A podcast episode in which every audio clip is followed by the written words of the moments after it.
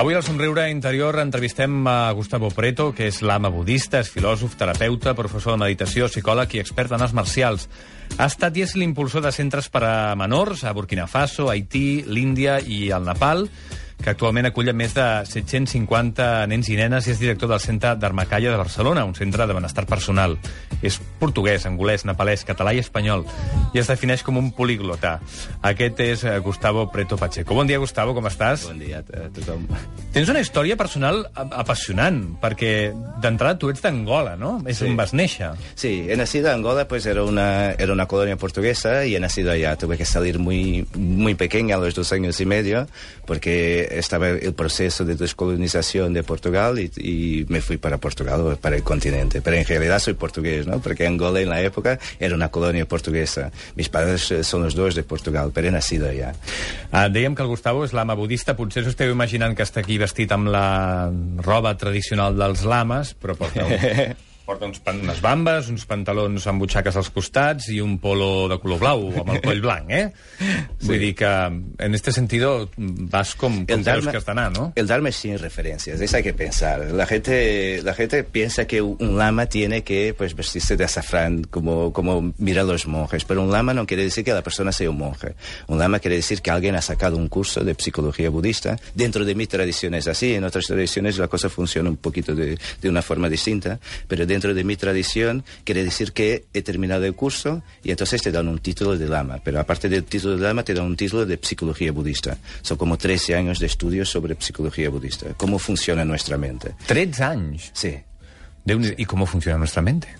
Pues nuestra mente es complicada. Va, va re- resumeix 13 anys en dos minuts de resposta. en dos minutos. Pues nuestra mente pues funciona eh, desde el punto de vista budista siempre intentando buscar eh, un, un espacio eh, confortable, o sea, un- una zona de confort, ¿no? Y intentando evitar todas aquellas zonas que le sean pues perjudiciales. O sea, buscamos nuestra felicidad e intentamos evitar todos el sufrimiento. Los animales, los seres humanos, todos intentan buscar su felicidad. Somos un poquito torpes porque no conocemos muy bien cuáles son las acciones que nos dan como resultado la felicidad y qué acciones o pensamientos o emociones tienen como resultado el dolor o el malestar o, o un- o una conciencia un poco más pesada. Sigui que tots busquem la felicitat i tots busquem estar bé amb nosaltres mateixos, però a vegades les estratègies que fem servir són les completament equivocades per aconseguir l'objectiu, eh? exacto, exacto. I això per què? Per què? Per què ens passa? Porque en realidad eh, el Buda, antes de llegar a la iluminación, se cuenta la historia de que ha puesto un bol en el agua y que ha dicho, si puede llegar a la iluminación, que esto vaya contracorriente, ¿vale? O sea, que esto quiere decir en realidad que la corriente, aquello que, nos, que nuestros sentidos y la educación que hemos tenido eh, es bastante girada hacia el yo y no hacia la realidad. ¿Vale? El yo es una invención del cerebro, dicen ahora los cientistas, y no es real. Entonces, no siendo real, nosotros, y nosotros creyéndonos en él, siempre estamos reafirmándolo. Pero no existe. Entonces, imagínate lo que es reafirmar una cosa Que que, no no, es real. ¿Sabes? Entonces, es- se hace una confusión en la mente. Yo deseo que tú me veas de determinada forma, como estos lamas que se visten de azafrán, ¿no? Entonces, yo quiero que tú pienses que yo soy un tío, pues, bastante intelectual, elocuente y tal, y eso, y todos mis movimientos son hechos para que tú me veas así. Pero si no me ves así, yo me quedo triste. Creo que no he cumplido con mi, con mi objetivo. Entonces empieza a intentar manipular la situación de forma a que tú me veas como a mí me gustaría ser visto. ¿no? Nosotros en el Dharma o, o en la- o con la meditación o con la psicología budista, lo que intentamos es relajarnos para primero darnos cuenta de lo que somos y después entonces enseñarle a los demás.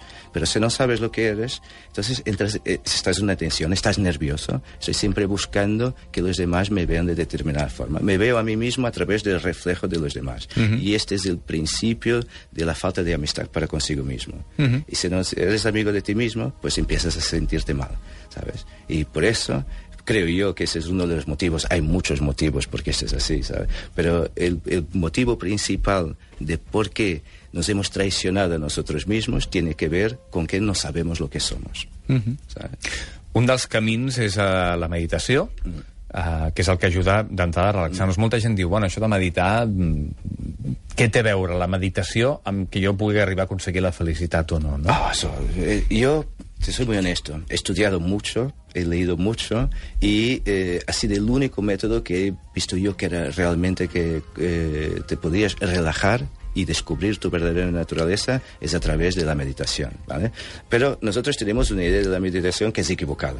¿Vale? Pensamos que la meditación es un viaje hacia el exterior, un mundo alternativo a este mundo que estamos aquí ahora. Y no es para nada eso. Es al revés. O sea, en un mundo alternativo ya vivimos nosotros. Muchas veces yo estoy aquí contigo, pero estoy pensando en otra cosa. Imagina en mi país o dónde voy yo después. o sea, voy a saltar de paracaídas dentro de un rato, entonces ya estoy, podría estar pensando ahí en el avión o algo así. Entonces no estoy al 100% contigo. La meditación te enseña a traer la mente a dónde está tu cuerpo y no al revés. Y este es algo que están enseñando muy mal cuando se enseña la meditación. Dice, es un viaje hasta un espacio sideral o hasta una zona que nadie la puede ver. Y no es verdad, es totalmente al revés. Es traer mi mente a dónde está mi cuerpo, escuchar mi cuerpo es, eh, estar con mis amigos. Yo digo a mis alumnos, digo, la meditación hace buenos enólogos, no hace espiritualistas. Hace gente que aproveche el momento presente, que está aquí ahora, buenos amantes, buenas parejas, buenos padres, buenos ciudadanos, porque están aquí. Una persona que tiene la mente perdida, que no conoce la realidad, imagínate, tu, tu cuerpo es 70% de agua, un poquito más, ¿no? Entonces yo para bromear de- digo que no quiero hacer Yo tengo un poco de cerveza también. Yo tengo bastante gin cerveza y gin ya también. Pero vamos a decir que 70% es agua, Sí. ¿no? O sea que somos, eh, no vamos a hacer ninguna publicidad, pero somos eh, botellas de agua hasta aquí. ¿sabes? Hasta, fins al- hasta- eh? pit, exacto, Sí. ¿no? Entonces, es que siempre que echamos basura a nuestros ríos o a los- nuestros lagos, estamos ensuciando los cuerpos de nuestros trisnietos. Porque ellos también serán 70% de agua. Esa agua no aparece, yo no tengo ninguna fuente en mi interior. Entonces mi mente no está en el momento presente, está afuera, no conoce la realidad de las cosas. ¿vale? De alguna forma, eh, eh, escuchaba el otro día un biólogo decir, el gran problema de las religiones ha sido separar el ser humano de todo aquello que le rodea. La meditación nos trae a la realidad, aquello que somos nosotros. Y trae la mente aquí. De verdad, yo a mis alumnos digo, si vosotros cuando cerráis los ojos veis ahí un Buda, decid que esperad fuera de la clase, en primer lugar porque no me ha pagado la entrada en Dharmakaya. Entonces ya está ahí, ya le deberíamos haberme dado la puerta. Entonces que espere porque estáis meditando y ya que ha sido el enseñar la historia, que nos venga a agobiar. Entonces, un poco la meditación es intentar seguir el camino de alguien. Lo explicaba antes. Digo, eh, la gente se traiciona. Y entonces piensa, si yo soy igual a aquel señor que está de modeco y con, con- con los pelos raros y tal, de hace 2600 años atrás, seré buena persona. Y esa es una farsa, esa es una broma. En realidad el Buda lo que nos enseñaba era ah, a- a descubrir quién somos nosotros, sermos nosotros mismos. Y no intentar imitar a nadie. Por eso no le llamamos budismo a la historia nosotros. Eso lo llaman los religiosos, porque los hay religiosos budistas, ¿no? Los tíos que dicen que cantan mantras y que son capaces de curar y tal. Pero eso es todo mentira. O sea, la gente que, que nos escucha tiene que saber que Dalai Lama, cuando estuve aquí en Barcelona, ha dicho, a mí me duele el de, el dedo meñique. O sea, que alguno puede curar alguna cosa que me lo Que me mí. ayude. Y no hubo ningún lama de estos que dicen que hacen y que acontecen y tal, que se haya levantado y que haya dicho con toda la compasión por el Dalai Lama, ¿no? Que ya te curo yo el dedo, ¿sabes? O sea, eso no ha pasado para nada. És el que anava a dir, que, que, um, a- que cada vegada hi ha més interès des d'Occident per la filosofia i les idees orientals, um, però no acabem d'entendre ben bé què és el que ens comuniquen, no? I ens deixem mm. contagiar i de vegades ens deixem portar per idees errònies sobre el que són, no? Ah, terribles, son ideas peores que las nuestras, hay que decirlo, ¿no? O sea, estos hombres que, que nos hacen creer que tenemos que disfrazar nuestras emociones o que tenemos que tapar nuestras emociones para parecer algo, eh, no es gente real. Y, y por una persona ser tibetana o por una persona se vestir de azafrán o eso, tampoco dice nada. Las ropas no, no entienden de, de, de, de emociones. ¿no? Entonces nos han vendido, porque claro, como han sido expulsados de sus países y tal, nos han vendido toda una, una filosofía que el propio Buda estará ahí dando vueltas. eh, no, no estará dando vueltas porque, porque la cremación era la, la historia, de- pero estará dando vueltas en el otro lado pensando, pero yo no he enseñado nada de esto, ¿sabes? Entonces, todas estas ideas de que tienes que hacer pujas, de que tienes que hacer unas meditaciones o unas, recitar mantras y eso, no es una cosa que lo leerás en los sutras del Buda para nada. Parla'm una mica del centre d'Armacalla que tens a, a Barcelona, perquè allà és un centre on eh, feu moltíssimes coses. Feu, feu meditació, feu ioga, feu arts marcials, Mm, eh, feu pilates, feu moltes històries Coach que en el fons... también, sí. També feu Sí. sí. feina de coach, eh? Sí, ten- bueno, tenemos a, a Borja Vilaseca, Ujú. ya, que hace todos esos, esos programas de coach y tal. Sí, en realidad Armacaya tenía como, como misión esto, y de intentar buscar lo real de cada cosa. O sea, todos los profesionales que trabajan ahí son gente que nosotros vamos a, a- a estudiar sus currículos y la forma como piensan y lo que están vendiendo a las personas. ¿no?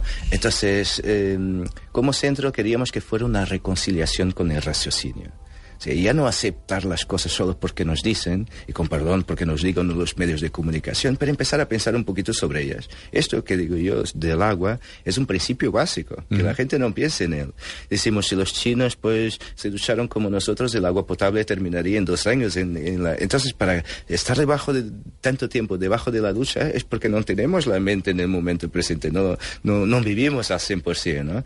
Entonces hemos decidido crear un espacio eh, donde pudiéramos invitar a varios profesionales y que nos enseñaran cosas, no que nos enseñáramos nosotros. Por eso se llama Dharmakaya, quiere decir hoja en blanco. Entonces, si tú vienes allá, nos puedes explicar cosas sobre comunicación, por ejemplo. Si viene Borja, nos podrá explicar cosas pues, sobre el enneagrama, sobre, sobre, sobre el yo, sobre, sobre el coach. Y nos viene otro que nos viene a explicar cosas sobre medicina, sobre alimentación. Y que- lo que queremos es entender, o sobre el dinero, entender el mundo donde estamos. Para nada es un centro dedicado a filosofías religiosas, pero es un centro dedicado a reconciliarnos con el raciocinio. O sea, de empezar a pensar sobre el mundo y a entender el mundo donde estamos, tal como, tal como es.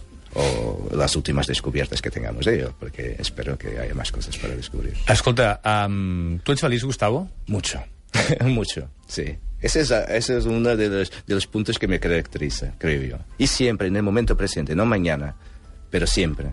Sí.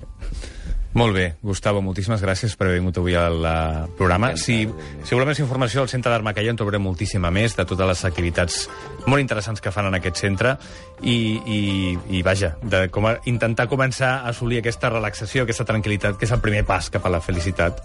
I una de les maneres de fer-ho a través de la meditació, com ens explicava en aquests termes el Gustavo. Moltes gràcies. Encantado, encantado de estar Merci. aquí.